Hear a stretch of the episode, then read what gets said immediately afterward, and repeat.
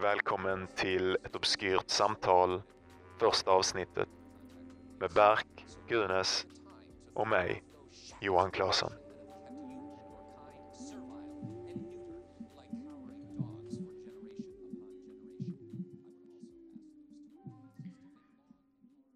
Ja, välkommen till första officiella avsnittet av eh, Obskyrt samtal. Förra veckan så släppte vi ett pilotavsnitt eh, som mest gick ut till vänner och familj, även fast det har varit en del andra lyssnare också, vilket vi såklart uppskattar. Eh, vi fick en del feedback på det avsnittet, bland annat att vi skulle försöka vara lite mer strukturerade, så att det är det vi försöker vara här. Denna veckan ska vi prata om skräck, både i litteratur och på film och lite hur det förhåller sig till eh, människan i stort. Vad är egentligen vårt behov att berätta morbida berättelser för varandra? Eh, och varför söker vi den här mörka sidan utav livet?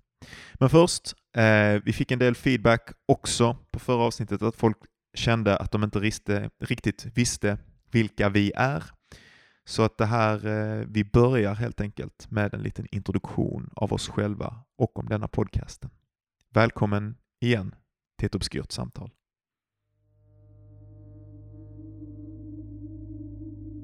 Det här. Berätta lite om dig själv. All right.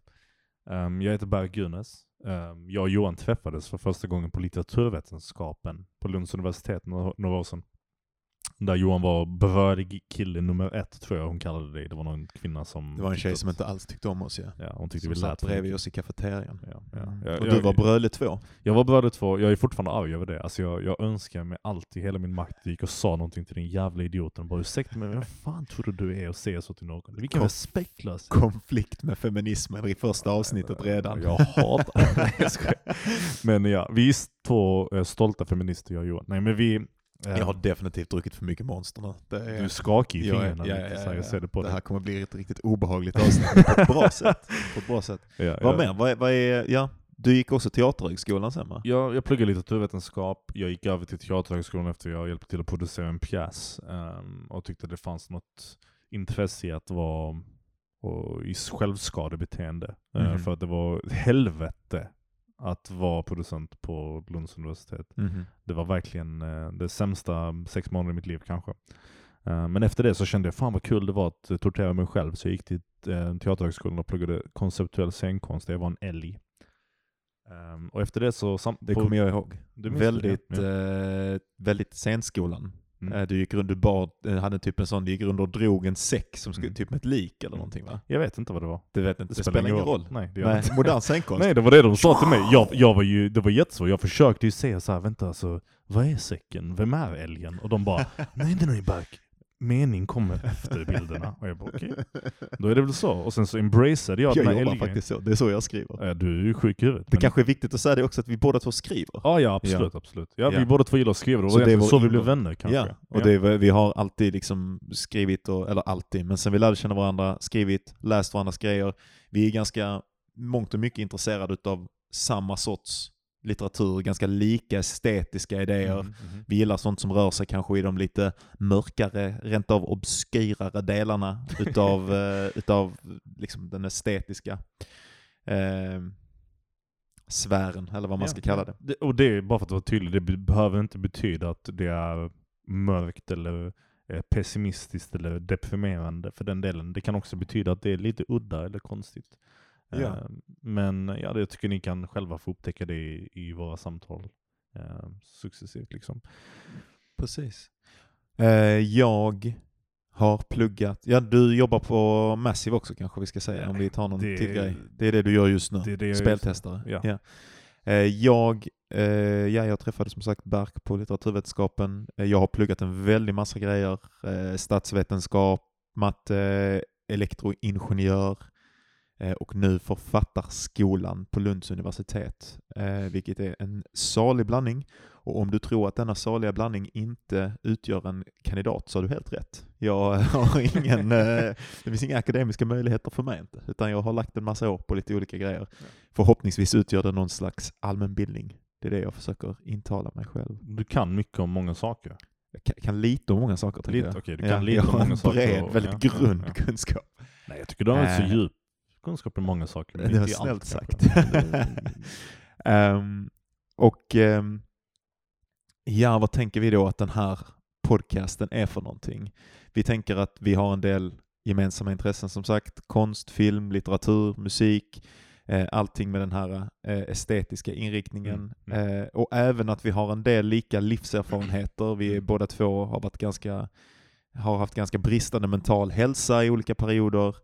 Eh, såklart att försöka vara kreativ är, är och, och, och, särskilt eftersom båda två har en dröm om att syssla med det och jobbar aktivt mm. med att syssla med det professionellt, eh, kommer med en del extra svårigheter utanpå det och också en del extra nöjen liksom.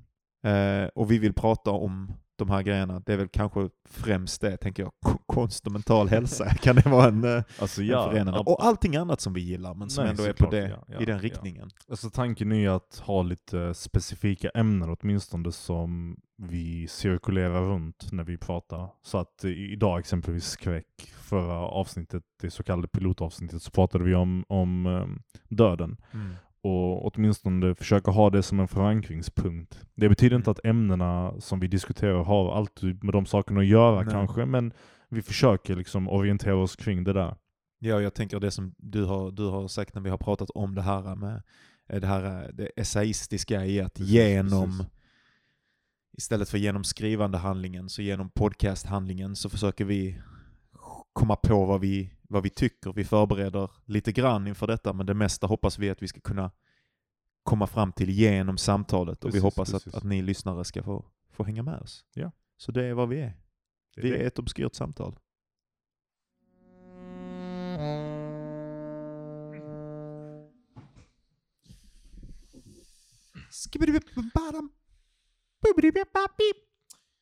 All right. Så är det. Eh, vad är, har du ett första minne av skräck som du skulle vilja dela med dig om? Jävlar. Um, du känns som en psykolog. Mm. Det första ögonblicket som jag verkligen kände så här riktig fucking rädsla mm. som jag kan komma ihåg från vuxen ålder, alltså barn eller, för det är olika på något sätt. Det känns som att när man är liten så får man för sig de konstigaste sakerna. Vad vill du, vad, vad söker du efter liksom? Men jag tänker allting sånt här, äh, jag, jag, kan komma, jag, kan, jag kan berätta en grej som, som var jävligt stor för mig och sen så kan du få gå ut Absolut. Eh, utifrån den. Jag kommer till exempel ihåg att jag var riktigt, riktigt terroriserad utav så här. Äh, jag vet inte om det var mardrömmar, det var säkert det också.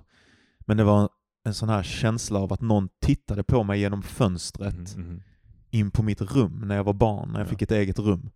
Jag vet inte riktigt hur gammal jag kan ha varit, kanske fyra mm. eller någonting när jag fick ett eget rum. Eh, och att jag alltid brukade springa in till mamma och pappa mm. och springa och lägga mig liksom emellan dem. Mm. Eh, och sen så ligga med huvudet ner i madrassen. Okay. Därför att jag var så jävla övertygad, därför att det fanns ett fönster som liksom vette ut mot gården ja. på deras sovrum. Och att jag var övertygad om att någon stod och tittade där. Bodde du på första våningen, andra våningen? Nej, jag bodde i villa liksom. Men villa, jag, jag, right, jag tänkte, det spelar inte ja, någon nej, roll. Nej, nej, för grejen är också detta, det här kommer vi komma in på ju mer vi pratar om skräck. Mm. Men vad jag var rädd för var alltså inte att den här personen skulle komma in, mm. utan det var för att se det här ansiktet. Ja. Och det är ju någonting som är verkligen i mitten utav vad skräck är för någonting. Nej, jag, det handlar inte om ett hot mot ens person, det handlar precis, om ett hot precis. mot ens verklighet. Ja, ja. mot verkligheten säger du. Mm -hmm. Mot att det skulle vara ett typ av ansikte eller en slags blick som inte överensstämmer med det du är van vid. Liksom. Det får inte lov att vara där. Nej, jag förstår vad du menar. Jag hör dig. Det är därför jag också lite nyfiket undrar om du var på första våningen eller på femte, sjätte våningen. Mm. Just för att det är där, när det är på sjätte, sjunde våningen som... Det är värre. Är ja, precis, precis.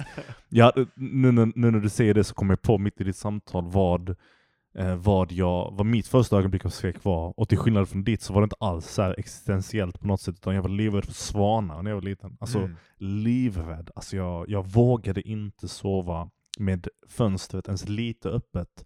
Jag var okay. övertygad om att de här svanarna skulle ta sig in på något sätt ute efter mig. Ja. av alla människor och typ äta mig eller knäcka min arm eller mitt ben eller något sånt. Men menar du att detta inte är en existentiell kris? Att tro det? att svanar in och slita din kropp i stycken? Ja, nej Det är men, mardrömsscenario. jag menar det är ju det absolut, Ja. men sättet du beskriver det på, där du, Det är där, du går såhär, vet det här ansiktet, ja okej, Ja. ja. ja, jag, jag, Johan kanske Ja. inte tänkte så. Nej, vet, absolut. Jag vet, tänkte bara att jag inte ville se ett ansikte. Ja, ja, ja, ja. Men jag kan inte hitta den där efterkonstruktionen för mina svanar. Jag Mhm. kan inte se det. Men sen å andra sidan har jag ju sett Sopranos, och jag vet ju att fåglar handlar om familj, och min pappa var inte hemma, så jag tänker mig att den svanen var egentligen pappa. Åh, jävlar, det blir representativt direkt. där kom det Där började en ung författare Det är ta det. sina första steg. Du vet att min första debutroman kommer att heta Svanarna. Mm. Och du, du hör ju när jag Mm. ser det hur jävla bra det låter. Exciting, exciting stuff.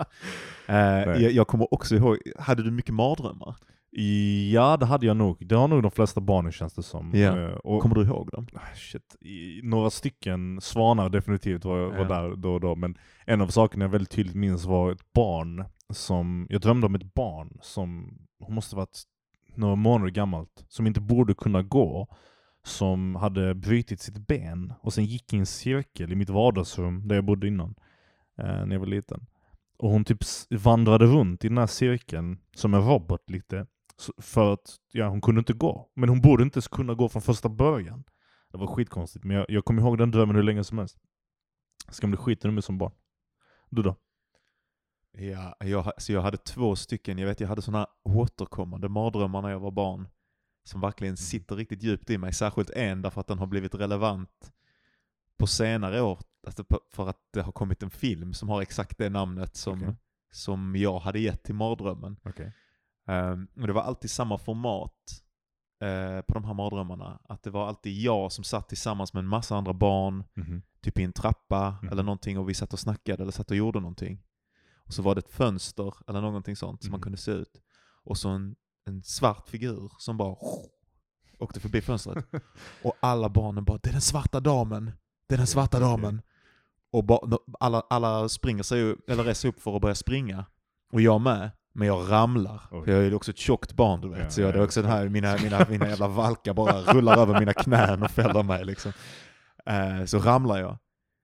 Och sen, ja så kommer den här jävla damen in och kommer springande emot mig. Och sen så var det alltid så, jag, hade alltid, jag kom på ganska tidigt, så här är det för mig i alla fall, att om man tar livet av sig i drömmar så vaknar man. Mm. Så det känner inte jag igen alls. Men det, gjorde, det, det här var i min strategi, alla mina mardrömmar var att springa mot monstret. Det är ju den stora, det är ju det obehagliga. Att Ja. du fick för dig det i din dröm, att Ja. det var lösningen. Ja, ja, ja. Vad hände då när du sprang mot, mot den här svarta kvinnan? Ofta den svarta kvinnan tror jag, jag tror kanske det var hon som lärde mig det, därför att hon kom ifatt mig alltid. Alltså jag Ja, ramlade alltid, och, och jag, jag tror aldrig jag såg henne, utan Ja. jag bara kände hur hon kom upp liksom Ja. och, och omfamnade mig och sen så vaknade jag. T- Tror du på något sätt att, att drömmar har något slags... Jag gillar inte att säga drömtydning egentligen. Jag tycker det konceptet är konstigt och främmande för mig. Men ett symboliskt värde. Det vill säga att, det vill, att din hjärna vill säga någonting till dig utifrån de här Jag tror inte den- visionerna. Ja, jag tror inte den vill säga någonting. Jag tror att genom hur hjärnan bearbetar bilder så Mm. blir någonting sagt. Hur menar du bearbeta bilder? Eh, hur hjärnan förhåller sig, alltså det är typ symboliskt, men symboliskt Vilka är... bilder menar jag? Alltså vilka bilder förhåll, bearbetar hjärnan? De du upplever i ditt vardagliga liv liksom? Mörkret, kon- människor som beter sig konstigt, eh, kvinnor, kanske att man har en rädsla för kvinnor, Mm, mm. alltså som ung, ung, ung kille liksom, och, och, och den här alltså modersfiguren och sen modersfiguren som blir omvänd. Jag tror kanske att hjärnan har tillgång jag tror att anledningen att vi skapar symboler av de här Mm. grejerna är därför att hjärnan har dem redan i sina mönster, men inte som ett inte som symboler. Mm, Som är mm. hjärnan, symboler är på något sätt när du tar in mening Ja, i de här grejerna. Jag tror inte att det finns någon mening, men jag tror att de här sakerna liksom bara därför att det finns skräck på något sätt kopplat till dem eller obehag, oförståelse, Ja, ja, ja. så råkar hjärnan bearbeta det på det sättet. Alltså kanske, kanske, du vet. Jag, jag, jag, jag kan säga vad jag tänkte från första början. Du vet, förra veckan när vi var ute och gick, eh, efter att hade varit hemma hos mig, och vi, det var precis efter vi hade släppt det här första pilotavsnittet som du nämnde. Så, mm, så tog vi ut hunden liksom och vandrade runt lite utanför Billandsparken på kvällen. Vi pratade om skräck och ångest och, och massa jätteintressanta saker om, om dig som jag inte visste. Din första gången när du var liten, du kände den här, den här, den här eh, plötsliga, eh, vad ska man kalla det, vågen av, av, eh, av ångest som du, du sen dess har liksom varit rädd för att, för att hamna i igen. Mm. Um, och så när du berättar om den här kvinnan så för någon anledning så börjar jag tänka så här, jag undrar om det finns ett sätt för hjärnan att liksom signalera de här, de här känslorna redan i tidig, tidig ålder. Uh, om, men samtidigt så är det ju som du säger, att alla barn har ju mardrömmar. Ja, kanske, men det kanske finns ett värde i att veta vad de mardrömmarna handlar om. Förstår du? Just det här specifika med att bli jagad av någon, någonting mörkt som man, som man inte, speciellt inte får se som alltid fångar en, alltid tar dig liksom i slutändan. Jag har en mycket sjuk, får jag lov att berätta min andra återkommande mardröm, mm. för den kommer du älska om du tror på drömtidning. För det är en sån som jag, jag själv Jag vill bara vara tydlig innan du säger det, jag tror inte på drömtidning. Och jag, jag ska förklara senare. Nej nej, inte alls. Jag hatar drömtydning. Men jag har min egen bild av drömtydning och jag vill prata om den efter det. Så, så säg gärna vad, vad din återkommande dröm är, så, så kör vi lite på det istället. Jag hade en, en, annan, för den här, den damen i svart har då blivit intressant därför att Lady in Black har kommit och att den är liksom på något sätt, hon så, ser också ut som jag drömde. Att hon, är, det, var är det den Daniel Radcliffe-filmen? Exakt, ja. och den här, den här kvinnan ser ut som, eh, precis som jag kommer ihåg henne. Alltså hon hade också typ en svart mm. brudklänning och, och, och det bara fladdrade riktigt mycket om henne. Och, och sådana här arketypa figurer, alltså mm. någonting som jag mm. kunde ha drömt upp som, som barn på det sättet och som sen antagligen kanske den här regissören eller många människor mm. har drömt upp därför att det på något sätt är ett enkelt mönster. Mm. Om du fattar vad jag menar. Ett ja, mönster som, du vet precis som det här, det finns ett sånt ansikte, har du sett det? Have you ever seen this man? Det finns ett sånt ansikte som många människor ser i sina ja, drömmar. Jag, jag, jag tror inte det är sant någonstans dock. Du tror inte det? Nej, ingen chans. Jag tror det är okay. creepypasta. Uh, Okej. Okay. Ja, ja, jag vet inte. Men jag skulle kunna tänka mig, eh, framförallt med de här symboliska... Det är en jättecool och rolig idé, att yeah. det finns ett ansikte som återkommer i varje dröm. Liksom. Eller i många drömmar. Många drömmar. Det finns också, jag tycker också att det finns en sån man med en hatt, mm. eh, som han förekommer i många det finns bland annat ett spel, ett japanskt tv-spel som okay. försöker simulera drömmar som heter LSD. Okay. Eh, där, eh, det är ett gammalt, konstigt obskyrt Playstation-spel. Mm, mm. Men där blir man bland, kan man ibland hamna i sådana rum där man den här figuren jagar en. Och den här snubben har jag sett i olika situationer också. Men det är för att det är en enkel form, en ja, man i en stor hatt. Men, men, men jag, jag, hade honom innan jag hade sett det här spelet. Mm, mm. jag har haft honom mm. länge och mm. Damen i svart är en sån. Men i alla fall den här väldigt freudianska drömmen, eller vad man ska säga. Um, du har varit hemma hos mig, du vet mitt vardagsrum, mm. där vi har uterummet nu. Mm. Där hade vi inget uterum när jag växte upp, utan det var bara trädgården, det var bara en vägg där. Eh, och sen så var det ett bord eh, vid de fönsterna som vetter ut mot torget. Mm. Jag brukade drömma att jag satt på en matta som var alldeles mot den dörren som leder ut i trädgården och att min mamma satt och sydde, satt vid en gammaldags symaskin och sydde Herregud. Ja, ja, visst. Eh, och jag satt och tittade på henne och kanske lekte med mina bilar eller ja, någonting sånt där. Eh, och sen plötsligt så började jag känna en sån mörk sugande kraft. Bara mm. från, och att det började dra i dörren ut mm. till mm. trädgården, den som var åt mitt håll. Mm. Och så plötsligt slits dörren upp. Och så står min pappa där. Det är bara det att det är inte min pappa, utan det är min pappas kropp. Och på, istället för hans ansikte så är det bara ett, en dödskalle, ett skelett. Oj, alltså, det finns sån, inget mer för Och, och så, det bara en sån spiral av sugande kraft som är runt hans huvud, alltså som, ett, som att det är ett svart hål inuti hans huvud. Som, jag lovar att det är Jag hade denna så många gånger. Ja, det är sjukt. Och den, var, och den, den, den, den sög i mig, och så, och, och så försökte jag skrika till mamma medan jag blev indragen mot den här... Alltså sugs du in i din jag, pappas jag, ansikte? Jag sugs mot, ja, mot den här dödskallansiktet som är på hans kropp.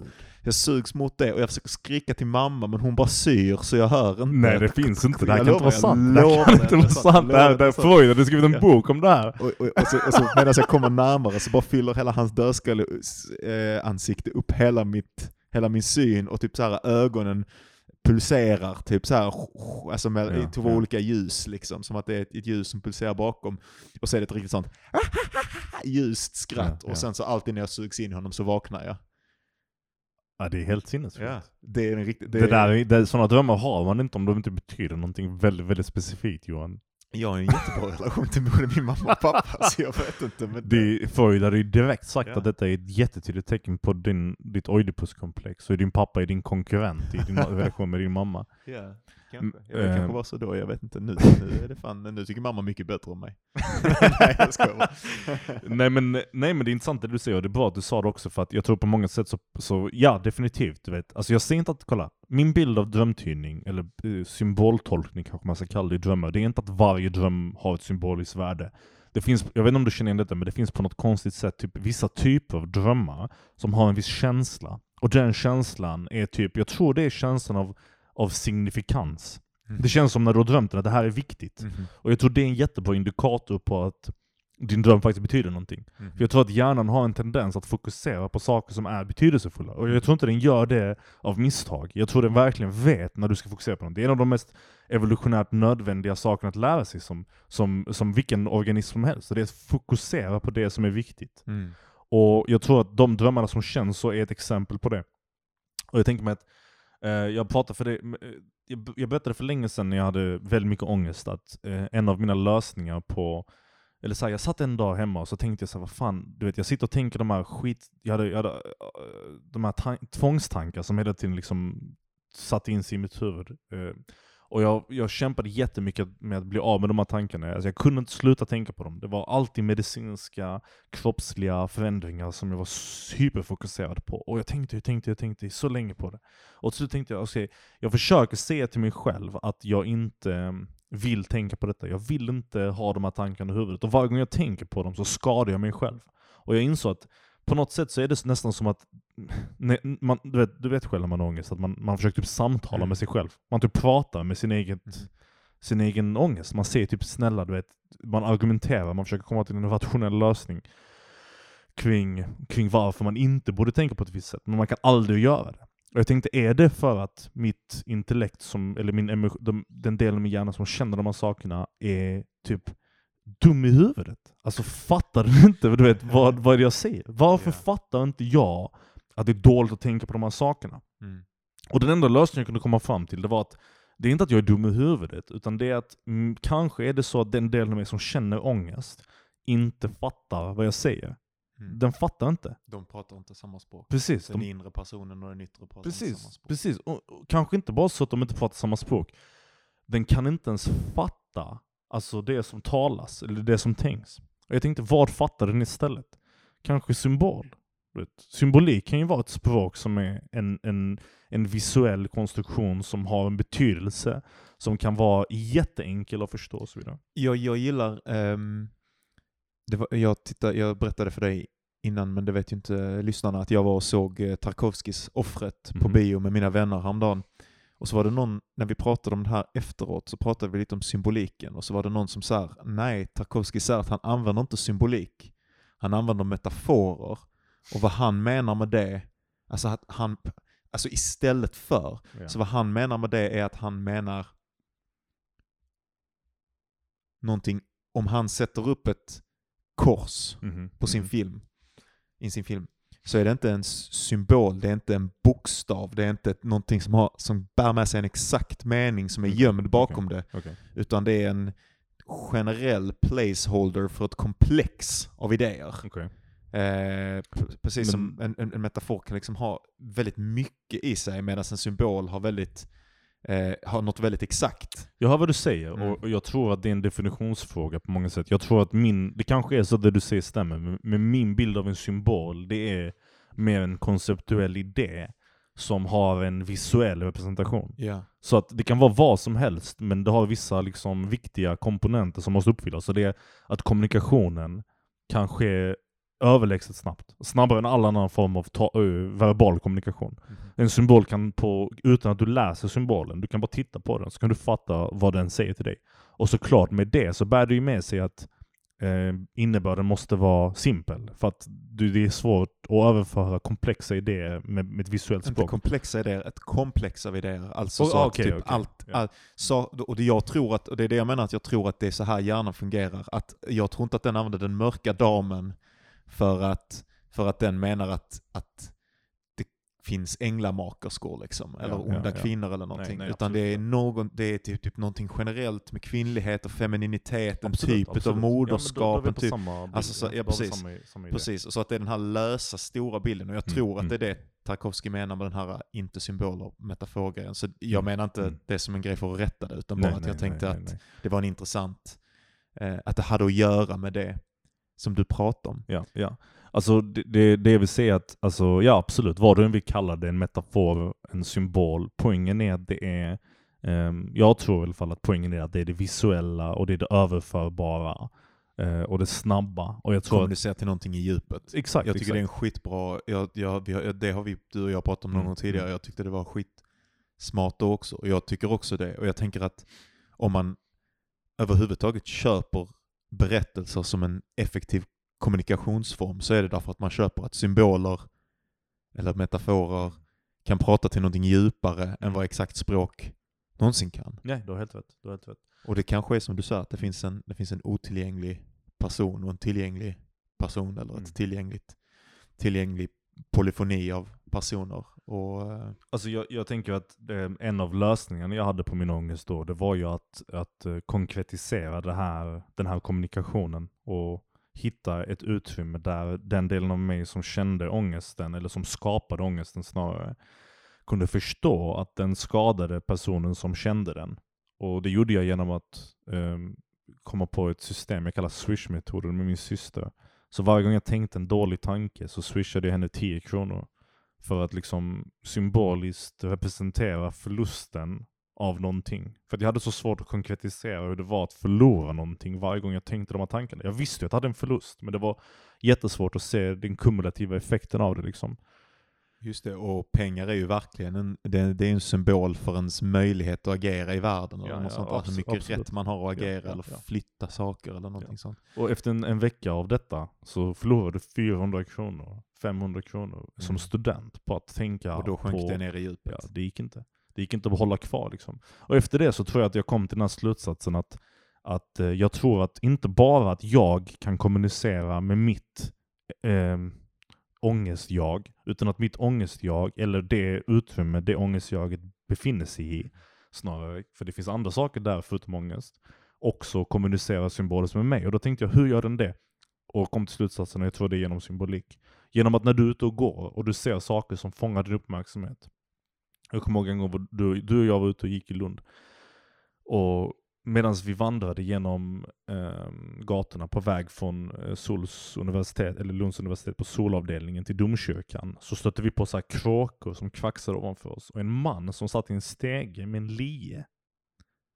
Och jag kommer Det ihåg, kommer jag absolut inte Du ihåg. kommer det låter helt Ja, sjukt. ja, du kommer inte alls ihåg det för att för dig var det inte signifikant. Men för mig som satt i någon slags dödsångest, Ja. panik hela den morgonen. ja. Det var, det var någonting som fångade min uppmärksamhet och Mm. sa där, där är det viktigt. Det där, den här mannen med lien betyder någonting. Jag tror inte den mannen med lien har en betydelse som är utanför mig. Nej. Men jag tror det var ett sätt för mitt ångestjag att säga till, till mig, Ja. det är vad jag känner. Ja, ja, ja, ja, ja. Just det. Och jag tror drömmar gör det. Liksom, förstår du? Ja. Jag tror den här känslan av signifikans i drömmar när du liksom eh, sitter där i gräset och din mamma syr och din pappa kommer in med ett svart hål istället för ett ansikte och suger in dig.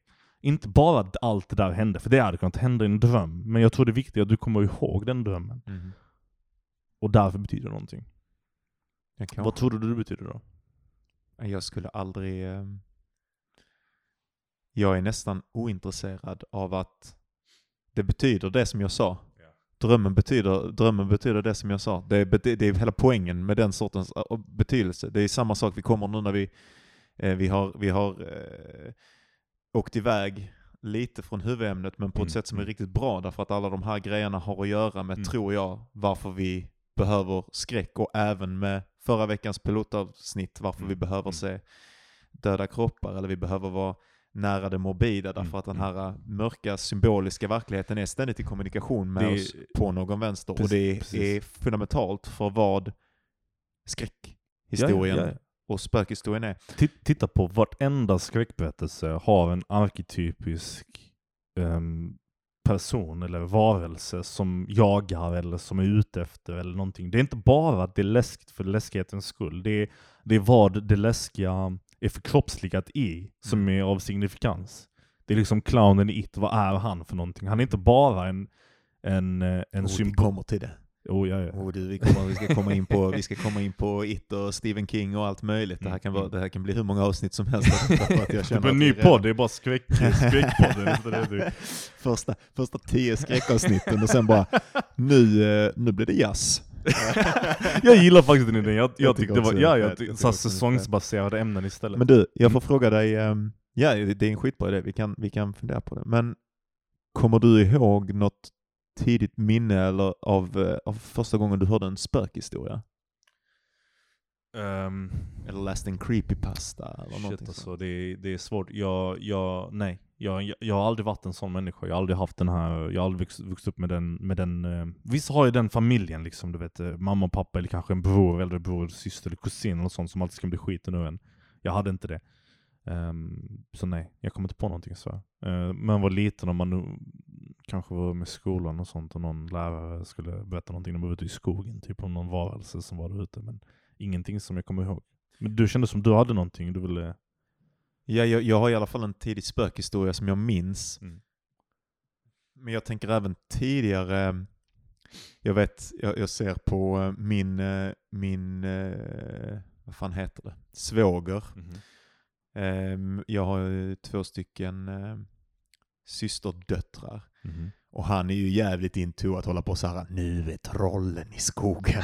Och de bara, nej, nej, inte trollen. De, panik och sen får de liksom bara, nej, vi bara skojar. Men ja, att, ja, ja. att uh, det finns liksom, alltså det är, men det är också att hon blir, hon blir exalterad, mm. hon är redan mm. där, mm. då min treåriga systerdotter, med att mm. älska det här att bli skrämd, mm. samtidigt som hon är skiträdd. Mm. Alltså det finns någon slags spänning det här, och det här kommer vi också komma in på, liksom det Just fantastiska. Just att vilja bli skrämd. Ja, och att det också mm. är fantastiskt. Det är också mystiskt, det är, någonting, det, det, det, det är någonting magiskt i världen som är mer vem, vem tror inte mer på spöken än vad de tror på enhörningar? Liksom? Det är någonting i det här skrämmande som gör ja, att man får ja. lov att tro på det lite mer. Ja. Jag det, jag och det är nog någon, någon sorts symbolisk styrka. Men jag, jag minns en tidig jag har inte heller, mina föräldrar är väldigt, eh, verkligen inga spökberättare och inga fan utav skräckfilmer. Jag skulle säga att de är, jag vet inte riktigt var det här mörkerintresset som jag har kommer ifrån, för det kommer definitivt inte från dem, utan det kommer bara från från min psykologi. Mm. Kanske att det kommer från dem fast av misstag. Ja, att också det, att de hade den grejen så precis. borta. Precis. Jag fick inte spela våldsamma datorspel, Nej, jag fick absolut inte se skräckfilm. Ja, jag kommer ihåg att jag var nog ganska gammal när jag såg det första, jag kanske var 10-11 när jag råkade se Jurassic Park. Skrämde den dig?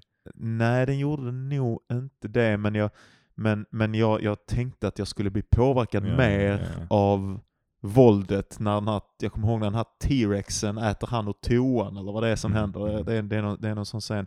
Och att jag bara what the f Det var som en ny värld. Jag tror jag tittade på det med, med mina föräldrar också. Ja, ja. Och att jag kände, att jag kanske inte, jag kanske var 9-10 då, men att jag kände bara, va? Får jag, alltså det här känns som att jag aldrig har fått lov mm, att titta mm. på.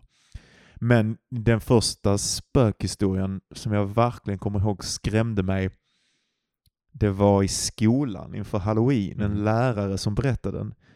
Eh, som heter Guldbenet. Okay. Har du läst den berättelsen? Jag tror inte det, nej. Handlar om en kvinna som får ett eh, guldben okay. eh, i livet. Och sen när hon, så dör hon. Mm. Det är en man som älskar sin fru och så berättas det hur hon blir av med benet. Jag kommer inte ihåg hur det är. Och sen så mm. eh, får hon ett guldben. Och sen blir hon sjuk eller någonting och dör. Och så jobbar det en annan person på hovet kanske någon, eh, vad säger man, servant, mm. alltså vad säger man på svenska? Det var någon som tyckte jag pratade med för mycket engelska uttryck. nu tänker du på det? Din, um, en tjänare, ja. ja. ja. Eh, typ en tjänare. Och han var jättefattig mm. och går upp en natt efter att hon har dött och gräver upp hennes kropp mm. och stjäl guldbenet för han tänker att hon inte behöver det. Mm. Och så börjar det då liksom att hon om nätterna Vem har tagit mitt guldben? Vem har tagit mitt guldben? Och så går mm. hennes man dit till hennes grav. Han bara Ingen har tagit ditt guldben. Mm. Vad, vad håller du på med? Ingen har tagit ditt guldben. Eh, och så händer ingenting och sen skickas typ döttrarna eller någon annan dit dag, natten efter när hon håller på Vem har tagit mitt guldben? Och så nästa person som ingen Mm. har tagit ditt guldben.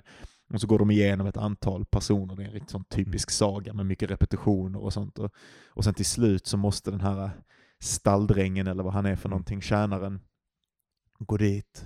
Eh, och då har han redan smält ner hennes ben tror jag och gjort någonting.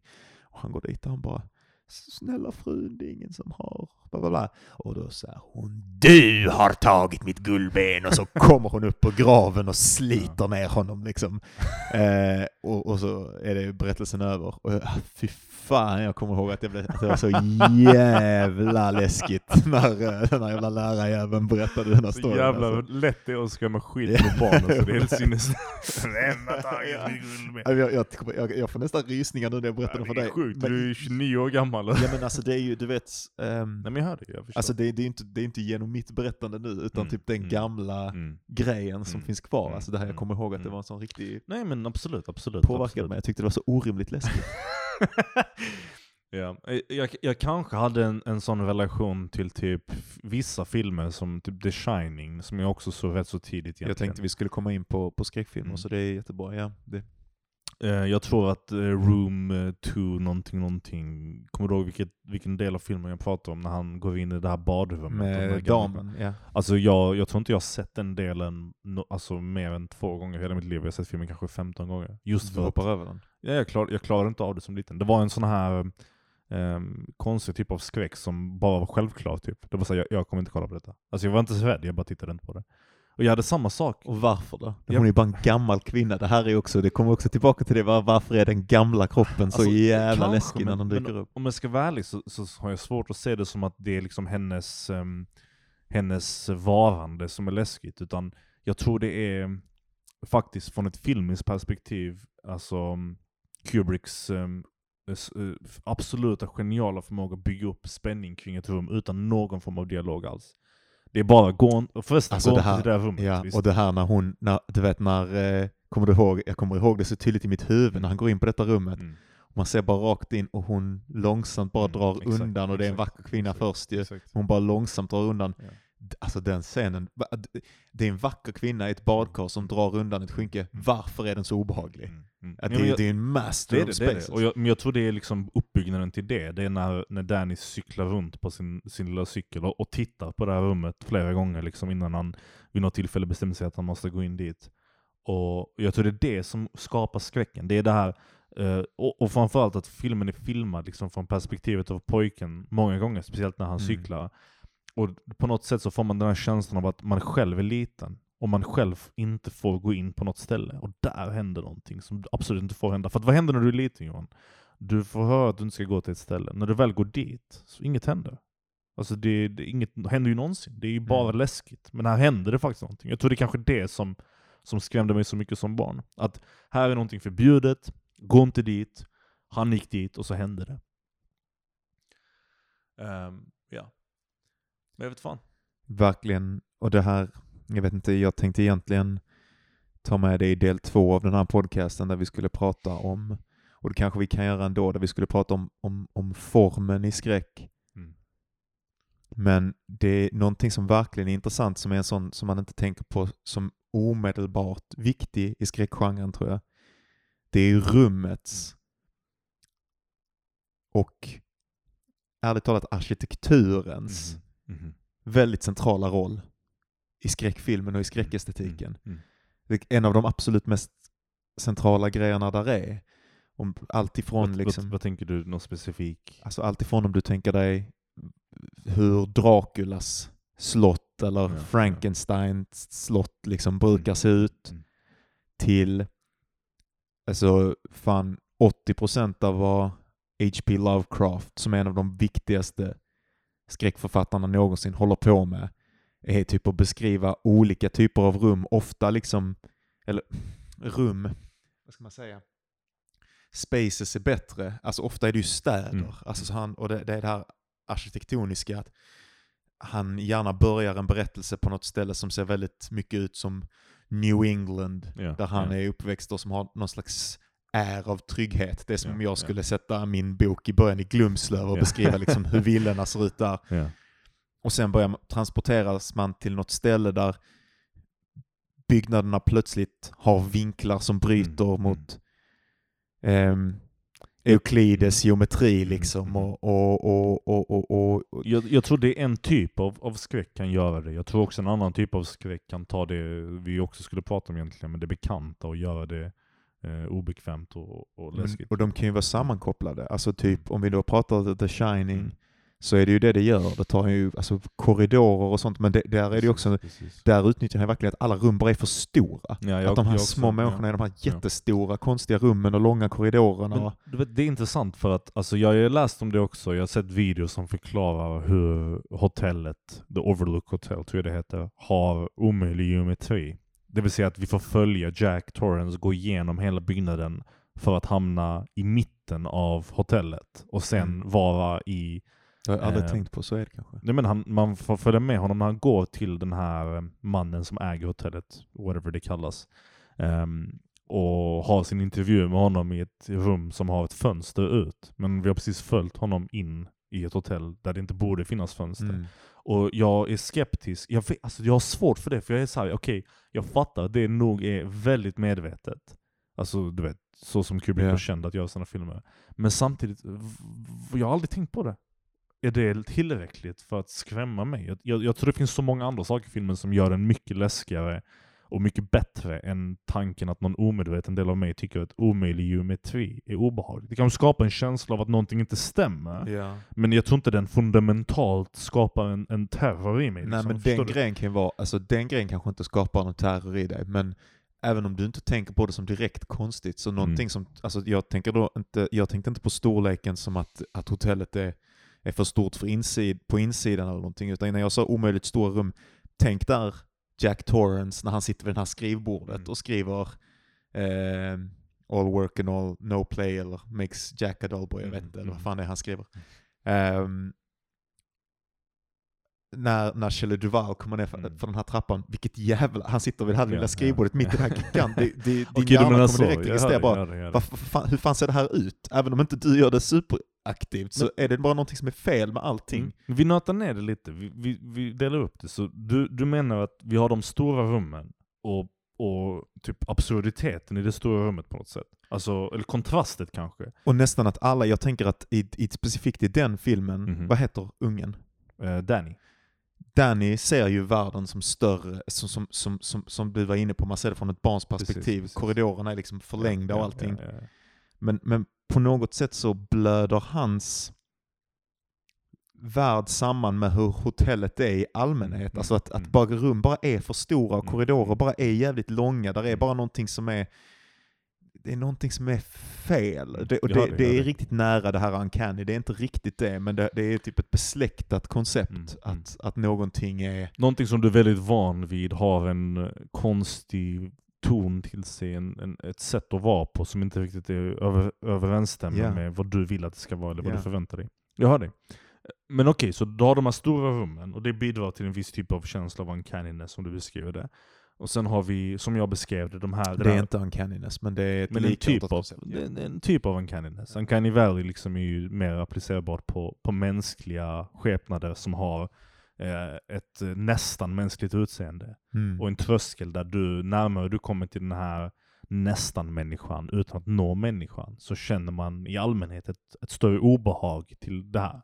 Jag tänker också att det har i rum och sånt någonting att göra, så du kanske har rätt, det har någonting att göra med nostalgi, föremål som är nästan nostalgiska eller nästan en del av vår verklighet så som vi tänker på det, men precis. Lite av. Alltså en, en docka som bara ser, man bara, varför gör någon docka precis, så här? Den precis. ser lite obehaglig ut, mm. lite för ut som en tysk leksak. Menar, men det har jag känt typ ute själv, alltså jag har själv varit ute på en, alltså så här, väldigt specifika ögonblick, en tim, en minut, någon gång var femte månad, typ så här en kväll när gatan är lite för tom. Den är bara lite för tom. Mm.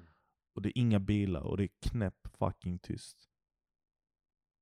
Och sen så hör man någonting. Och så där känner man en sån här känsla av, som är lik den här känslan av, av uncanniness relation till geometri eller, eller platser kanske man ska säga. Men, men ja, Så du har det elementet, sen vissa har du också den här omöjliga geometrin, och det är den här analysen jag sett på, på internet där folk pratar om hur hotellrummen mm. exempelvis är större eh, på insidan än de är på utsidan. Så att när han cyklar förbi rummen så ser du att det finns rum 1, rum 2, rum 3, och när du väl går in i rummen så så funkar inte det. Alltså det verkar vara som att... De är för stora. De, är för stora, de går in i varandra på något sätt. Precis. Och sen den här nästan maze-liknande eh, rörelsen av Jack när han går in genom hela hotellet till mitten, där han sen sitter i det här fönsterrummet, som inte borde vara ett fönster, som också speglas i den här pyramiden, eller förlåt, pyramiden, jag menar, eh, vad heter det på svenska? Maze? Är du huvudet? Labyrint. Labyrinten i slutet som Jack själv dör i. Eh, så du har rätt i att det finns en helt, ett element av geometri. Och det, fan vad det är intressant alltså. Jag tycker det är, jag tycker det är mycket, mycket, mycket coolare. Jag vill inte säga läskigare, för jag tycker, det är inte, jag tycker inte det, det läskiga med filmen är inte geometrin för fan. Men mm. det är ju det är att din pappa ska döda dig. Ja. Det är det som är det läskiga i filmen. Men, men det, det är det här, det är det som vi pratar om. Det är, alltså att geometrin bryts. Och det här kommer vi också komma in på, men förmodligen i nästa avsnitt eftersom det här verkar som att det måste bli en, en, en tvådelad. Um, vikten av, av saker, saken som inte borde vara ja, ja. för skräcken. Ja. Och det är ju alltså att, att, att rum, att dörrar leder in i rum som överlappar varandra, som bryter fysikens ja, ja. lagar och en, en, ens men, egen men, känsla men, för utsträckning, det skapar mm. ett obehag igen. Det gör det, men kom ihåg att det skapar inte skräck, det skapar ett obehag tror jag. Jag tror det, det bidrar till en ökad ja, nej, spänning som, som knegar och knegar och knegar tills du når, nås av det som faktiskt är läskigt. Alltså det vill säga att det som är läskigt, det är en blandning av många saker i filmen, men det är inte, det är inte de individuella eh, konstiga sakerna som får dig att känna spänningen som leder till skräcken, om du förstår vad jag menar. Utan det är det som faktiskt är piken, eller toppen av, av berg och dalbanan. Fallet ner liksom.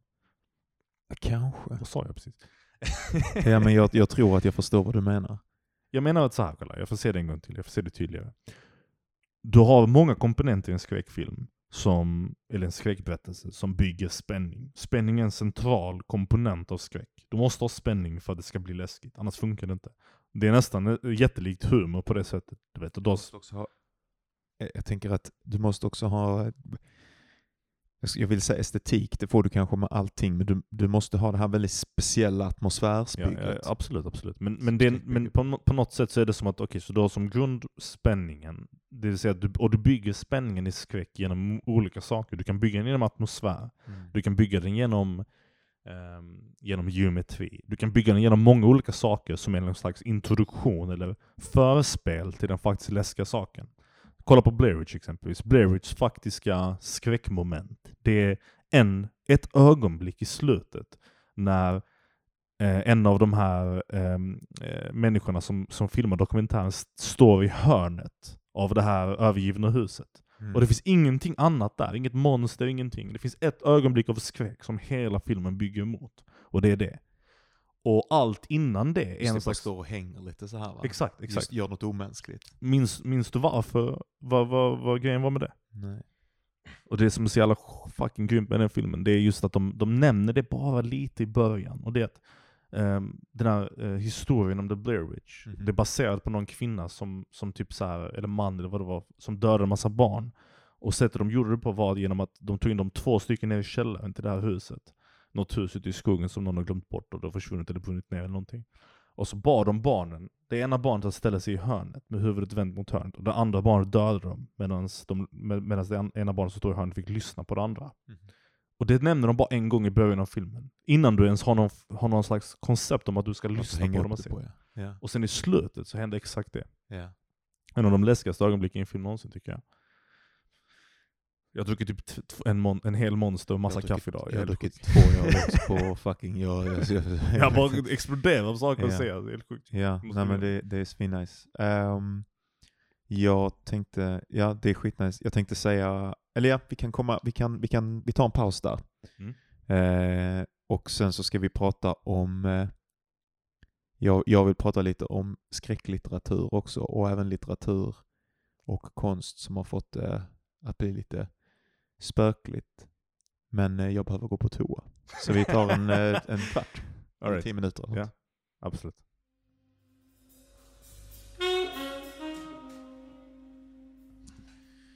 Alright, du tyckte att du fick inte färdigt exakt allt du ville säga med Blair Witch och vikten av atmosfär och skräck. Ja, jag tror jag ville bara... Katarsis. Ja, vackert. Jag ville bara säga, jag tror egentligen jag ville bara förtydliga en gång till att jag säger inte att de här sakerna i sig inte bidrar till själva skräckupplevelsen.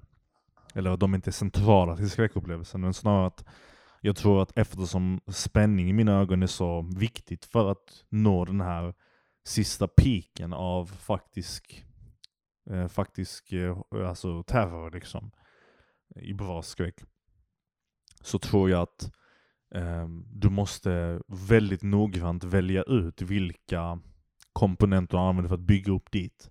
Och jag tror att um, i Kubricks fall The Shining så bygger han det genom omöjlig geometri, genom att plantera olika konstiga, udda saker fil genom filmens gång som pekar på någonting oförklarligt läskigt. Uh, men den faktiska centrala skräcken i filmen, det är just att någon du älskar går emot dig och försöker döda dig. Och jag tror att det inte hade funkat som en övernaturlig terror om inte det vore för de här, uh, plant de här planteringarna innan. Jag vet att många kanske inte har hållit med om den analysen, men jag tror att det är någonting i alla fall som, som ligger i, det, i den idén i alla fall. Att, att stegvis bygga upp genom väldigt selektiva saker. Mm. Som når en slags ja, kulm av skräck. Har du någon annan, eller förlåt, var det, hade du med? Nej, nej, har du någon annan film förutom The Shining som sticker ut sådär särskilt? Alltså som följer samma regler eller bara i allmänhet? Nej, bara som är skräck. Som, och det kan även vara, jag tänker även filmer som inte, det måste inte nödvändigtvis vara skräck. Är det en skräckfilm till så kör en skräckfilm till, men någonting som du tänker har liksom påverkat din förståelse för skräckestetik eller, eller det, det, det, det obehagliga, det mystiska. Hmm. Jag, ehm, för någon anledning så tänker jag på en film jag inte har sett. Som är den här uh, lynchfilmen. Vad heter den? Mulholland and Drive. Mulholland. Drive. Ja. Och framförallt... Ja, just, är det du som har skickat det klippet ja. med den jävla apan? Ja. Fy fan, det är, det är riktigt... Uh... Visst, visst. Du har inte sett den heller va? Nej, jag har inte sett den. Nej, vi, måste, vi borde se den tillsammans. Ja, det, det var fan kul. Men, men ja, såklart Lynch är ju ett, ett praktexempel på någon som kan skapa en typ av drömlik skräck som är helt fucking omöjlig. Men tycker och... du den scenen funkar? Jag tycker, jag, den, är jag tycker den är fantastisk till, till revealen. De skulle inte gjort revealen. Nej, jag tycker re revealen är det bästa. Nej, det är det nej, värsta jag har Ja, men det, det, det, är intressant att du säger det. det. Det är bra vi kan diskutera detta för att Aldrig har hört något dummare. För de som inte känner till scenen, och nu ser vi det från någon som, som inte har sett filmen, så jag vet, jag vet inte vad som händer. Men, men det, det är en, en, en någorlunda ful man som sitter och berättar för en blond kvinna om en dröm han hade som är den läskigaste, mest fruktansvärda saken han någonsin har sett. Den är eh, obegripligt läskig för honom.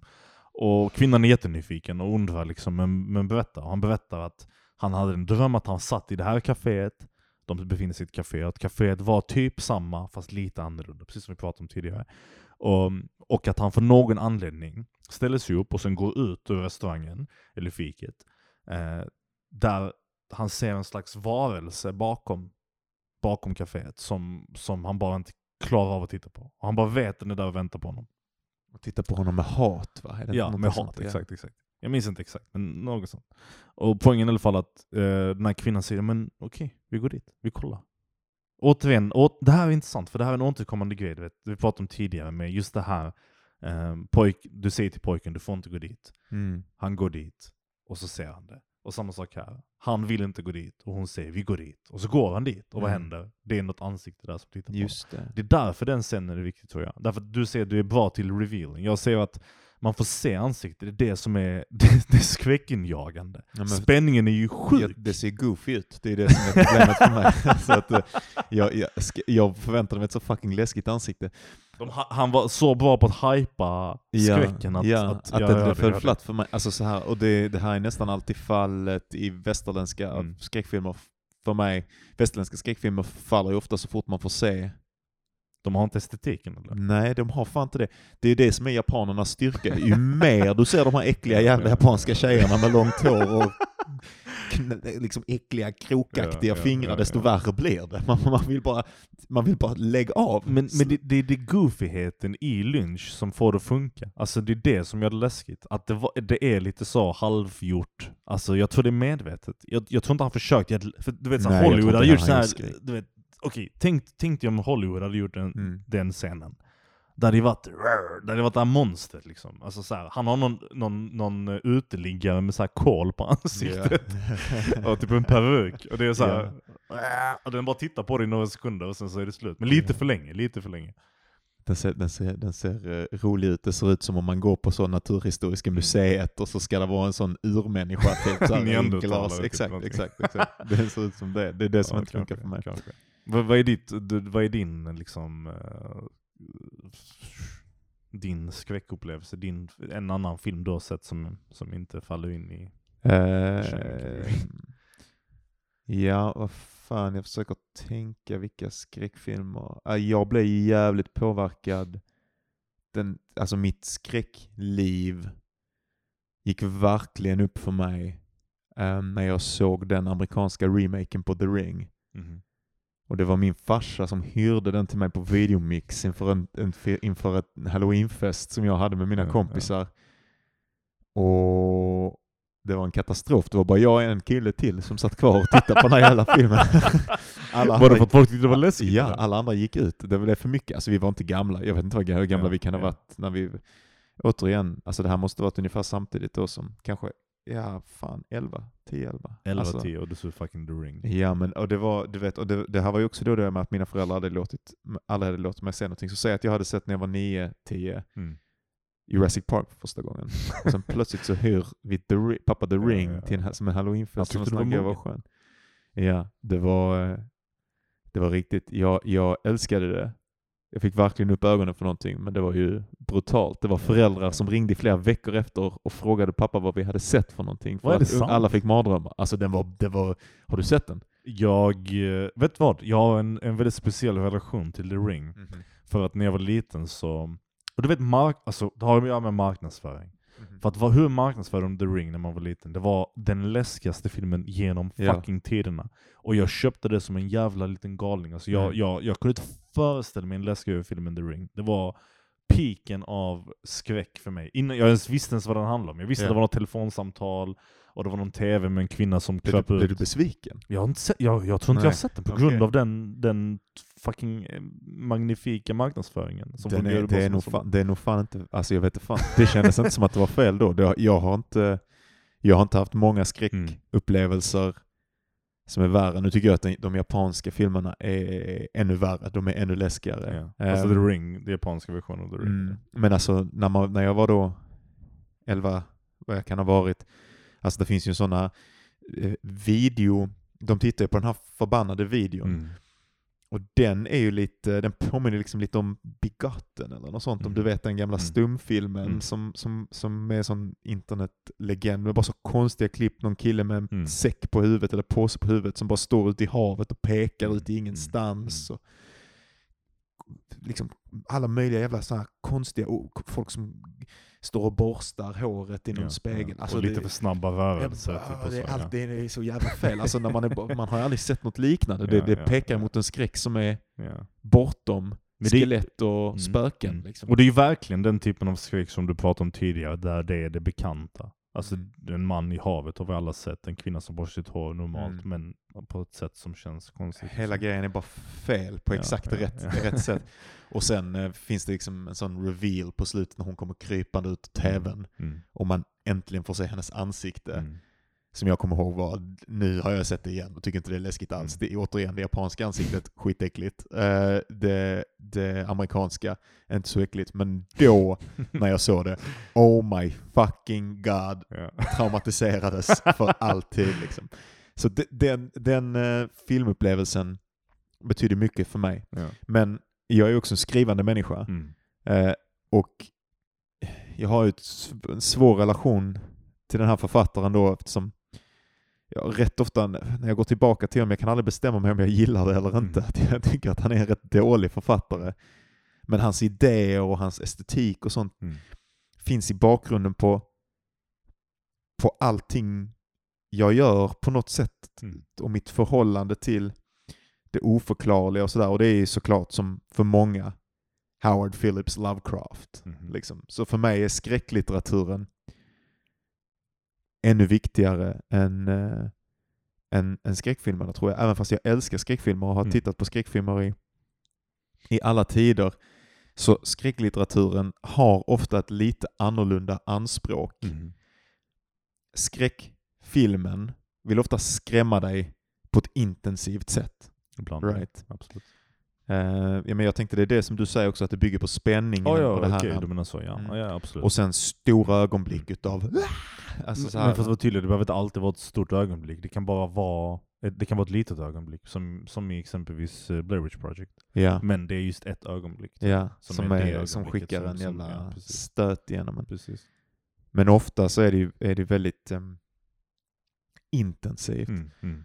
Och i lit- skräcklitteraturen kan ju ofta inte ha den intensiteten. Mm. Även om det faktiskt finns en jävligt eh, bra som du borde läsa om du inte har gjort det. Mm. Manga-snubbe. Okej. Junji Ito, har du hört talas om honom? Nej, jag nästan ingen erfarenhet av manga Eh, alls. Nej, jag läser inte heller, men jag gillar denna killen. Okej. Eh, alltså jag ska, jag ska länka honom till dig. Junji, jag tror det stavas J-U-N-J-I. I-T-O är hans efternamn i alla fall. Om du, om du skriver det så kommer du bli rättad till det.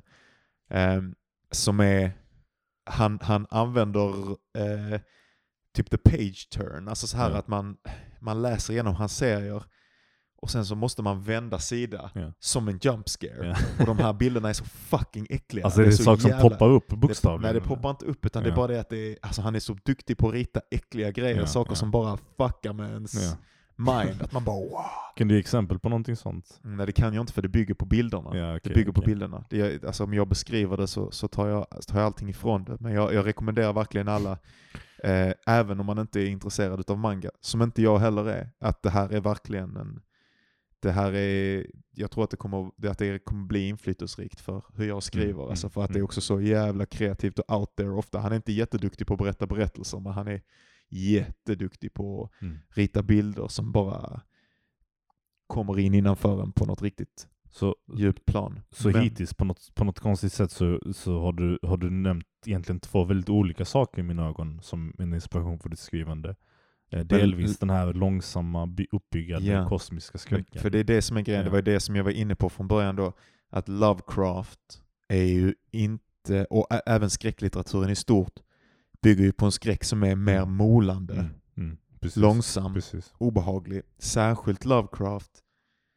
Och det, det är väl det som, vi, äh, vi, vi, vi kommer att prata mer om honom tror jag i, i, det andra avsnittet om Mm. detta, men, men den enklaste läsningen man kan göra av, av Lovecrafts förhållande till skräck eh, är ju att, och som, som är så som folk brukar säga det, och sen så ska jag säga hur jag tycker att man kan ge lite mer, eh, tillskriva honom ytterligare Mm, lite finess i andra avsnittet, men det är att det finns uråldriga saker där ute. Människan finns, vi bygger våra städer, vi lever våra små liv, Mm. vi bryr oss väldigt mycket om våra öden. Och så kommer vi i kontakt med ett universum där det finns äldre, mäktigare, evigare, oförklarliga Mm. Saker, varelser, Mm. gudar, monster, Mm. vad det nu än är. För vilka vi är som myran är för oss, Mm. om ens det. Mm. Helt obetydliga i alla våra aspirationer. Mm. Och så, så på något sätt så har han ju få- fångat hur det eviga universumet är för det lilla mänskliga livet, men konceptualiserat det som monster. Och Ja, den idén har, även fast jag då nu när jag går tillbaka till det tycker att han kan vara ganska barnslig, han gör speciellt hans anspråk på ålderdomligt språk och på 700 Mm. adjektiv ovanpå allting. Det, det finns de Michel Houellebecq menar i den uppsatsen som jag läste nyligen, som jag berättat för dig, ja. Eh, den franske författaren Michel Houellebecq har skrivit en, en uppsats som jag tror heter Lovecraft against uh, against life. Någonting sånt heter det. Okay. Um, ehm, against the world, against life tror jag den heter. Um, Ja, jag tappar helt min... Uh, vad var jag på att säga? Men det är bra, för jag hade precis en annan fråga istället yeah. till dig. Um, två saker. Um, det är nästan lite som att, um, som att Lovecraft, typ, och jag tror det är någonting vi pratade om tidigare med med eh, King också. Mm. Men kanske mer nu när du beskriver Lovecraft, för jag är verkligen inte en, en läsare av honom. Jag har ju mm. knappt läst någonting. Vilket jag, skulle, jag ville faktiskt fråga om du hade en rekommendation på någonting vi hade kunnat läsa mm. till nästa gång, så vi kan prata om det istället. En, en kortberättelse som du gillar väldigt mycket, som jag hade kunnat kolla lite närmare. Mm. Jag har en samling hemma, så det borde inte vara något problem att, att, att hitta den där. Men, eh, nej, men det är just den här idén av att, av att, um, av att hitta skräck som, ja du ser ju är kosmisk och större än oss. Men jag tänker då, är det inte alltid så att den, alltså mänsklighetens upplevelse av utrymmet utanför oss själva alltid har varit så, innan modern tid? Att han egentligen bara tar anspel på det, anspråk på det menar jag. Att han liksom tar, tar, tar och återberättar ett, eh, ett, en norm som egentligen alltid har funnits i, mänskligt, i mänsklig kultur. Du, för tänk dig såhär, du vet, du, majoriteten av mänsklig historia så har vi inte förstått någonting. Alltså rymden, universum, naturen, djur, var kommer de ifrån? Vad är de? Vad är de? Vad är en björn för någonting? Fan, ingen aning. Förstår du?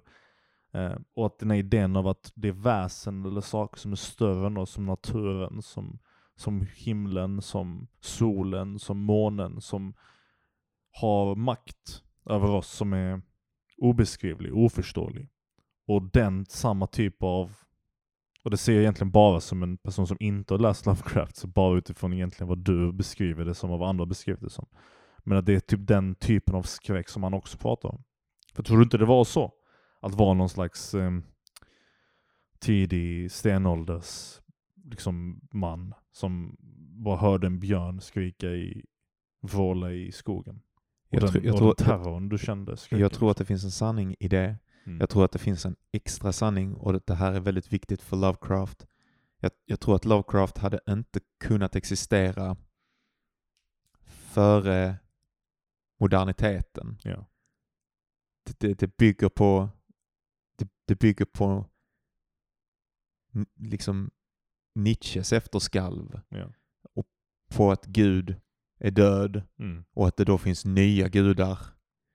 Det bygger på att han använder också det här, han använder det vetenskapliga språket. Ja, liksom ja, så här, han ja, beskriver ofta saker nästan som en, en, en, en, en marin biolog. Mm, liksom, mm, så här mm. beskriver han sina mönster. Han är väldigt rädd för det här haviga sugproppar, väldigt icke-mänskliga kroppar.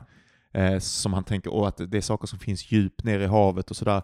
Som han beskriver som på, på, på ett väldigt vetenskapligt sätt. Och jag tänker att funktionen med det är att lyfta upp hur, och vare sig han gör det medvetet eller inte, men, men effekten blir ju att, att, att den vetenskapliga världen mm. störtar ihop med det oskuldsfulla livet. Mm. Och där sker ju på något sätt modernitetens spänning. Det är mm. efterskalvet från Guds död. Men, men jag menar, är inte det, förutom Guds död-biten, um, för det förvetenskapligas norm? Alltså hur det var att vara... Det är ju svårt att spekulera. Nej, alltså, absolut, men okej. Okay, jag får se vad jag får inspiration från den här idén. Jag läste, vad heter han jävla författaren som skrev Hero with a thousand faces? Eh, Campbell. Uh, Campbell, exakt. Han har skrivit en annan bok som är typ såhär The Power of Myth, som jag hittade på ett uh, någon Myron eller något sånt i Lund något år sedan.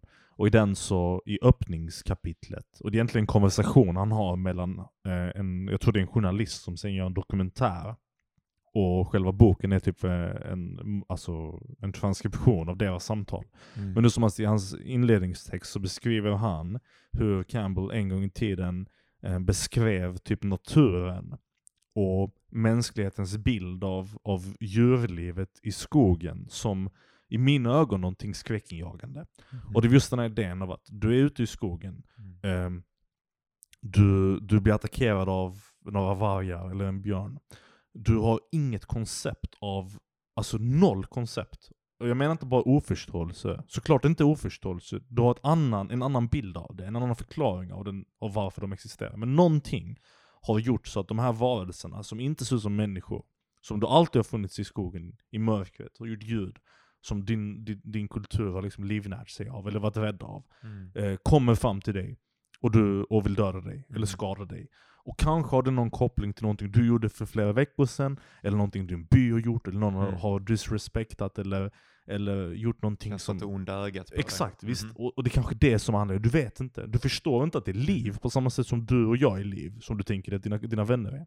Och just hur han beskrev det som en skräck, mm. en, en, en oförståelse kopplat till någonting mycket, mycket, mycket större än de människorna. Right? Mm. De, de är i sin by och sen händer detta, de kan inte mm. förklara. När du berättar om Lovecraft så för någon anledning så tänker jag på det. Mm. Jag tänker på hur det måste ha varit så att, att, att se en storm kanske, mm. innan du visste vad det var. Mm. Det var bara gudarnas vrede. Mm. Alltså fullkomliga vrede. Mm.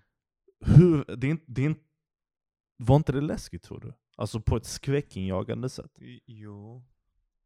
Jo, det tror jag. Okej, okay, och då menar Ser du så skeptiskt som ja, att det var det sjukaste av ditt liv? Ja, men... Va? Ja, det är det såklart det var. Ja. Men vad jag menar är att på något sätt att Lovecraft liksom anspelar på den typen av skräck. Kanske hur det faktiskt kändes att vara den typen av, alltså, av människa som inte hade den förståelsen. Rädslan inför... i vår, i vår kontext. Liksom, ja, sin egen litenhet inför det okända ja. är ju säkert, det kommer med intelligensen. Och du behöver verkligen inte eh, försöka övertala mig om att eh, vi berättar samma berättelser som vi alltid har gjort. Ja, det är jag definitivt okay. en, eh, en anhängare av, särskilt den sortens väldigt symboliska berättelser, alltså skräck berättelsen har ju verkligen di dimensioner utav ja. den mytologiska berättelsen, kanske mer än någon annan populär mm, form. Mm. Um, alltså att det, det, är människan som, som, som, som möter på gudar som är större. Även, även spöken har ju något liksom gudomligt över ja, sig ja, själv och, och hemsökelse är någon slags, eh, ja men det är ju i alla fall en supernaturlig handling, så att, eh, eller supernaturlig mm, händelse. Men all skräck är ju inte, jo okej okay, jag förstår. Det. Nej, och vi, och vi kommer in eh, verkligen inte det. Jag tänkte fråga, har du någon, någon litteratur som du tänker har varit, har, har varit inne på det här spåret? Och återigen, om du inte är ett fan av skräcklitteratur så, så kan det också vara um, ja men mm. typ vi, jag tänker att, att det till och med kan vara en sån grej som Bulgakov eller mm.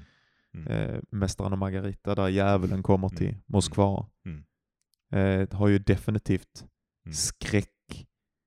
Den, den, är ju väldigt humoristisk mm. också, men har ju verkligen, och det är ju en av dina favoritböcker och Absolut. en av mina också. Um, och har ju verkligen skräckdimensioner till sig och så här. Um, jag, tror, jag tror att, ja du har rätt i att det är, en, det är en snygg observation. Jag är inte varken i film egentligen, även om jag kan mina, mina filmer rätt så bra, inte så stort fan av av skräcklitteratur heller. Mm. Men jag skulle gärna vilja bli. Jag, tror, jag, jag, känner verkligen igen potentialen av det, liksom, definitivt. Så gärna nästa vecka, om du har tid innan dess, skicka mig en, en, en kortberättelse av mm. Lovecraft. Så, så diskuterar vi det, så får vi ett nytt perspektiv på den. Liksom. Du som är van läsare av Lovecraft och jag som är ovan. Men, men den första tanken jag hade när du frågade mig om jag hade någon slags eh, kortberättelse eller litteratur eller, eller någonting skrivet som skulle skita ur mig, så, så tänkte jag faktiskt på någon, någon sån här, um, det måste varit 1800-tals, 1700-1800-tal tror jag. Kortberättelse som Den gula tapeten. Ja just det, jag har inte läst den men jag vet vad det är för något. Den gula tapeten eh, handlar om en kvinna som, eh, som bor i någon slags landshus med sin man. Mm. Och det är så här klassisk så här typ alltså, eh, Dickinson liksom så här, eh, kanske någon slags um, vad det ser jag? Inte Dickinson. Tapp, nu, är det Johan och tappade helt vad jag skulle säga. Eh, vad heter den jävla författaren eh, som skriver om kvinnor? Jane Austen. Jane Austen, exakt. Den typen av... av eh... den jävla författare som skriver om kvinnor. ah! Är det, är det Bronte eller Austen? Du visste direkt. Eh, men hur som helst, eh, det handlar om en kvinna som bor i, ett, i ett landshus med sin man. Och eh, han är så typiskt kontrollerande 1800-talssnubbe liksom. Som eh, på no av någon anledning, kommer inte ihåg varför, låser, låser in henne i, i vinden där hon sitter skitlänge. Och sen till slut blockerar ingången. Och sen börjar hon hallucinera de här eh, de här udda, udda sakerna i tapeten, den gula tapeten av det Mm. rummet de befinner sig i. Kvinnor som är bakom galler och sånt, massa symboliskt. Det är inte det som är det läskiga, det läskiga är i slutet när, jag kan inte förklara detta varför, men det skrämde mig så mycket. Det var när hon, har- hon har, kort berättat, hon har suttit, hon har suttit i vinden rätt så länge. Eh, och till slut så vet man inte riktigt vad som har hänt, men man byter perspektiv till den här mannen som, som går upp för trapporna och öppnar dörren och frågar efter henne och skriker, eh, liksom kallar på henne. Och det enda han ser är henne på alla fyra eh, krypa runt på golvet av vinden. Och han blir så rädd att han svimmar. Och så slutar berättelsen med att hon bara kryper över honom. Fram och tillbaka, fram och tillbaka, fram och tillbaka. Och det, Skitäckligt. det, det skrämde mig Men så det är ju mycket. super uncanny. Ja, ja visst Ja, är det, visst är det. Just, just den här, ja, ja. Och, och för att många tycker, alltså det är, det är en slags symbolisk, eh, metaforisk allegor- berättelse om henne, om du vet, den, den förtryckta kvinnan under 1800-talet och 1700-talet. Och, Det, det finns en, en Lovecraft-berättelse, jag tror att det är The Color Out of Space. Och jag kommer inte ihåg vem fan, jag tittade på en video om detta mm, eh, när jag gjorde lite research inför att vi skulle prata om skräck. mhm, Så, så var det, för det var länge sedan jag läste den berättelsen, jag tror att det är den berättelsen, där det bara finns en sån mening som, som den här killen då också tyckte var den läskigaste meningen Mm. han någonsin läst. Och det var en sån ganska obetydlig mening, men det var då bara att, eh, typ så här. And after a while, the woman of the house lost her mind and was seen crawling on all fours to the fields of the blah, blah, blah. Alltså så här, att det är någonting med detta, att en människa bara går Ja, över ja, till, ett, ja, eh, ja. till en djurform som om den bilden kommer i rätt kontext bara kan skrämma skiten ur den. Och det är ju det här ja. japanska också. Det är också de här precis. mänskliga kvinnorna som, som Mm, kommer mm, krypande mm. på... Exorcisten också. Men, alltså, men på något sätt så tycker jag det är läskigare i skriven form av en, än att se det faktiskt på riktigt. För på, du, du, du, du har alltid Får du risken. symbolen? Ja, du Ja, exakt, symbolen, exakt, den- mm. Och, men, men också, jag tror i din, i min, jag vet inte hur det är för dig, men i min oförmåga att visualisera mig det fullständigt, så blir det ännu läskigare. Du vet, jag, Ja, det jag, blir omöjligt. Ja. jag, jag kan inte riktigt se det, men det är typ periferin. Den här kvinnan som vandrar över den här mannens kropp om och om, om, om igen. Och det är läskigare än att se en faktisk 100% i liksom representation av, av Mm. hennes krypande, hur läskigt det än kan vara också. Ehm, men fuck den boken i alla fall. Och jag kommer ihåg att alla i klassen, när vi läste den, var en sån i, i gymnasiet eller någonting sånt. Ingen tyckte den var läskig förutom jag och en annan tjej. Jag vet inte varför. Jag, jag, jag undrar ibland om det var för att vi fattade den, eller om det bara var så att det bara berörde en väldigt personlig, ehm, vad ska man säga, eh, tröskel som man själv tycker är, Mm. är skräckets liksom eh, udd. Så, så kan det alltså det finns ju vissa människor som inte påverkas utav skräck. Ja. Jag tycker alltid det är jävla konstigt. Jag, jag, jag har ju alltid älskat skräck. Mm. Men jag skulle säga att jag är räddare än gemene man, i alla fall av de som tittar på skräck. Mm. Jag har ju många gånger dejtat tjejer och sådär som när man vill titta på skräck, som absolut inte vill titta på skräckfilmer, Mm. som inte får någon njutning utav Mm, det eller mm. något sånt där. Och jag får ju väldigt mycket njutning av det, men jag sitter ju med händerna så här liksom för ögonen, och, eller när jag har haft glasögon, när Ja, jag var yngre och hade glasögon och dålig syn, så sköt jag ner glasögonen så här på nästippen.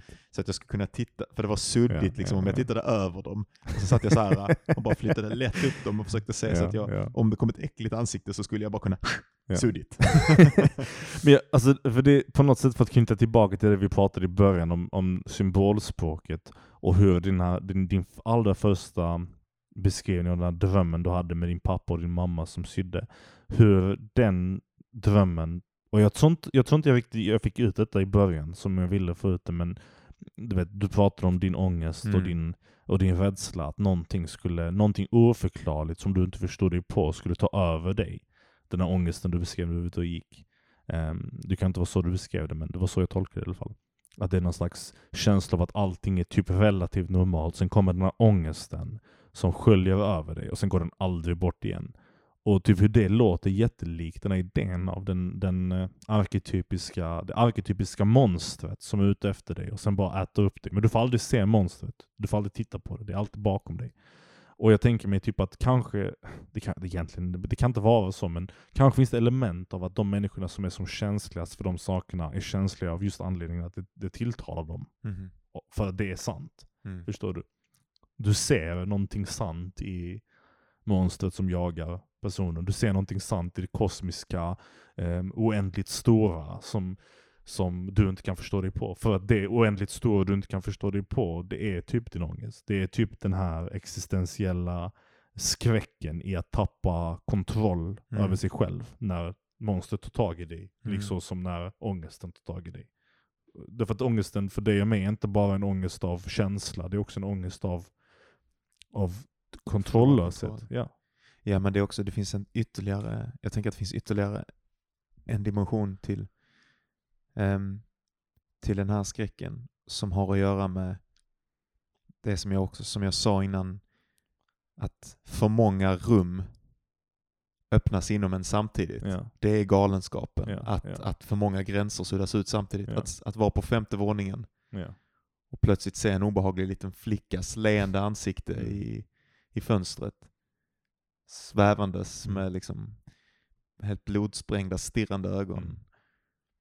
Det, det är då, har, då faller allting, världen som du har byggt hela ditt liv, din idé om Mm. verkligheten, samman på en sekund.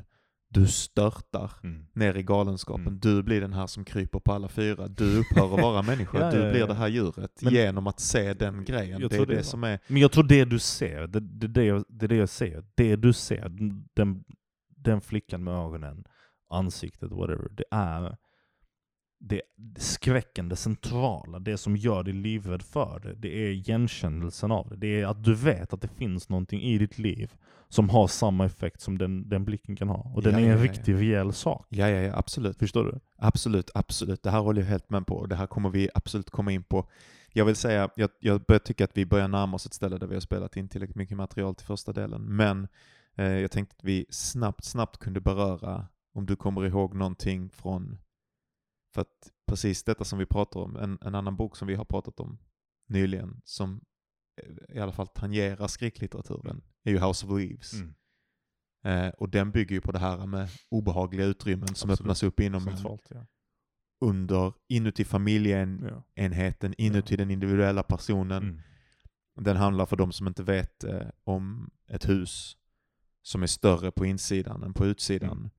Och till slut som är, är oändligt mycket. Alltså de Mm. öppnar och så är det en korridor de går in i och sen så, så blir det bara längre och längre och så till slut så kommer de till någon rulltrappa eller eh, till en, eh, Spiral. till en spiraltrappa som går ner liksom oändligt och, och långt. in bokens struktur följer liksom den här rörelsen. Ja, gör precis. Och, och, och, och, och boken är liksom då de här rummen som bara på olika sätt faller samman och, och, och refererar till ja, ge- genom att vara skriven delvis i fotnoter och ha en massa förvirrande information som kanske är sann eller inte sann. Och, eh, liksom, texten ser olika ut på sidorna beroende på vad det är som händer och, och, och försöker förvirra en på olika sätt.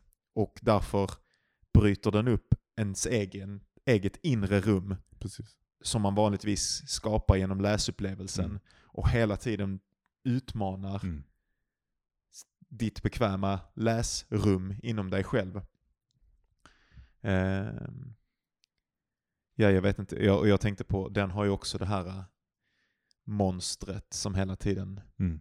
alltså minotauren som Mm. hela tiden är i nästa sväng i labyrinten. Mm.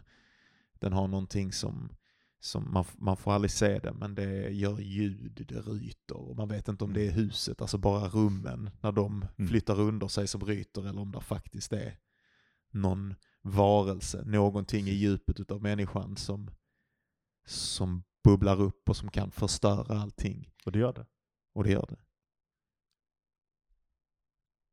Och det var det. Ehm, vårt första avsnitts första del. Ja, kan man säga. Ja. Vi, Ja. Förhoppningsvis så, så hinner vi göra en annan del också som vi släpper nästa vecka. Mhm. Där vi går lite in på, på några av de här sakerna som vi pratade om idag i, mm. i, i djupare, djupare delar. Liksom, och mer exakt om, om, om vad skräcken, skräcken som form och om det här var ett avsnitt som handlade mer om liksom personliga läs mm. Och, mm. och skräckupplevelser och, och, upplevelser av mardrömmar och, mm.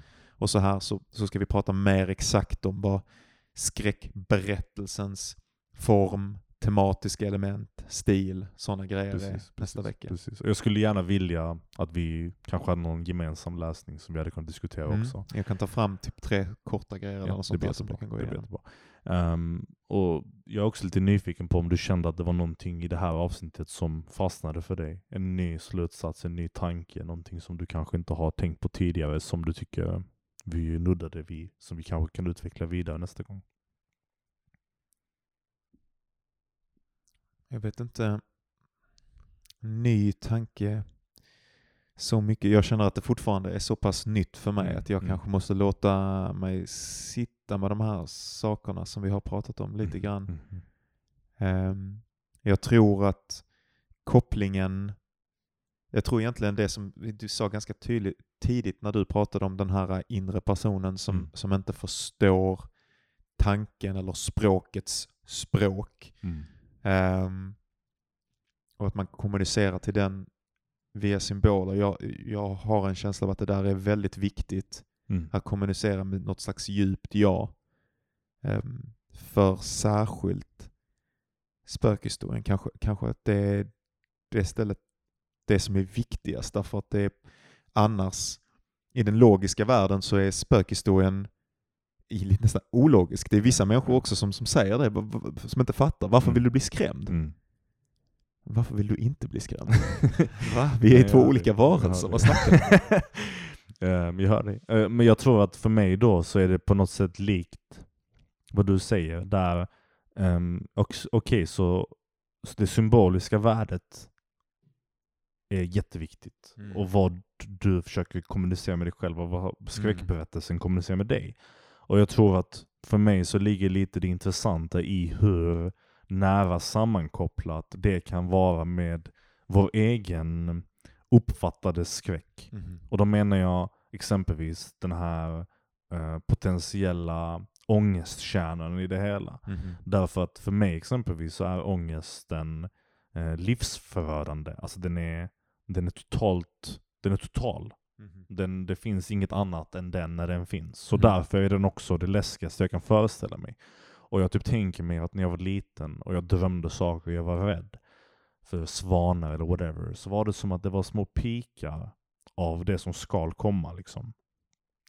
Och ingenting av de små pikarna var lika hemska som ångesten själv var. Och på grund av det så är det som att min nuvarande upplevelse av skräck är att den, att det stora, det som var värre än jag någonsin kunde föreställa mig ska komma tillbaka.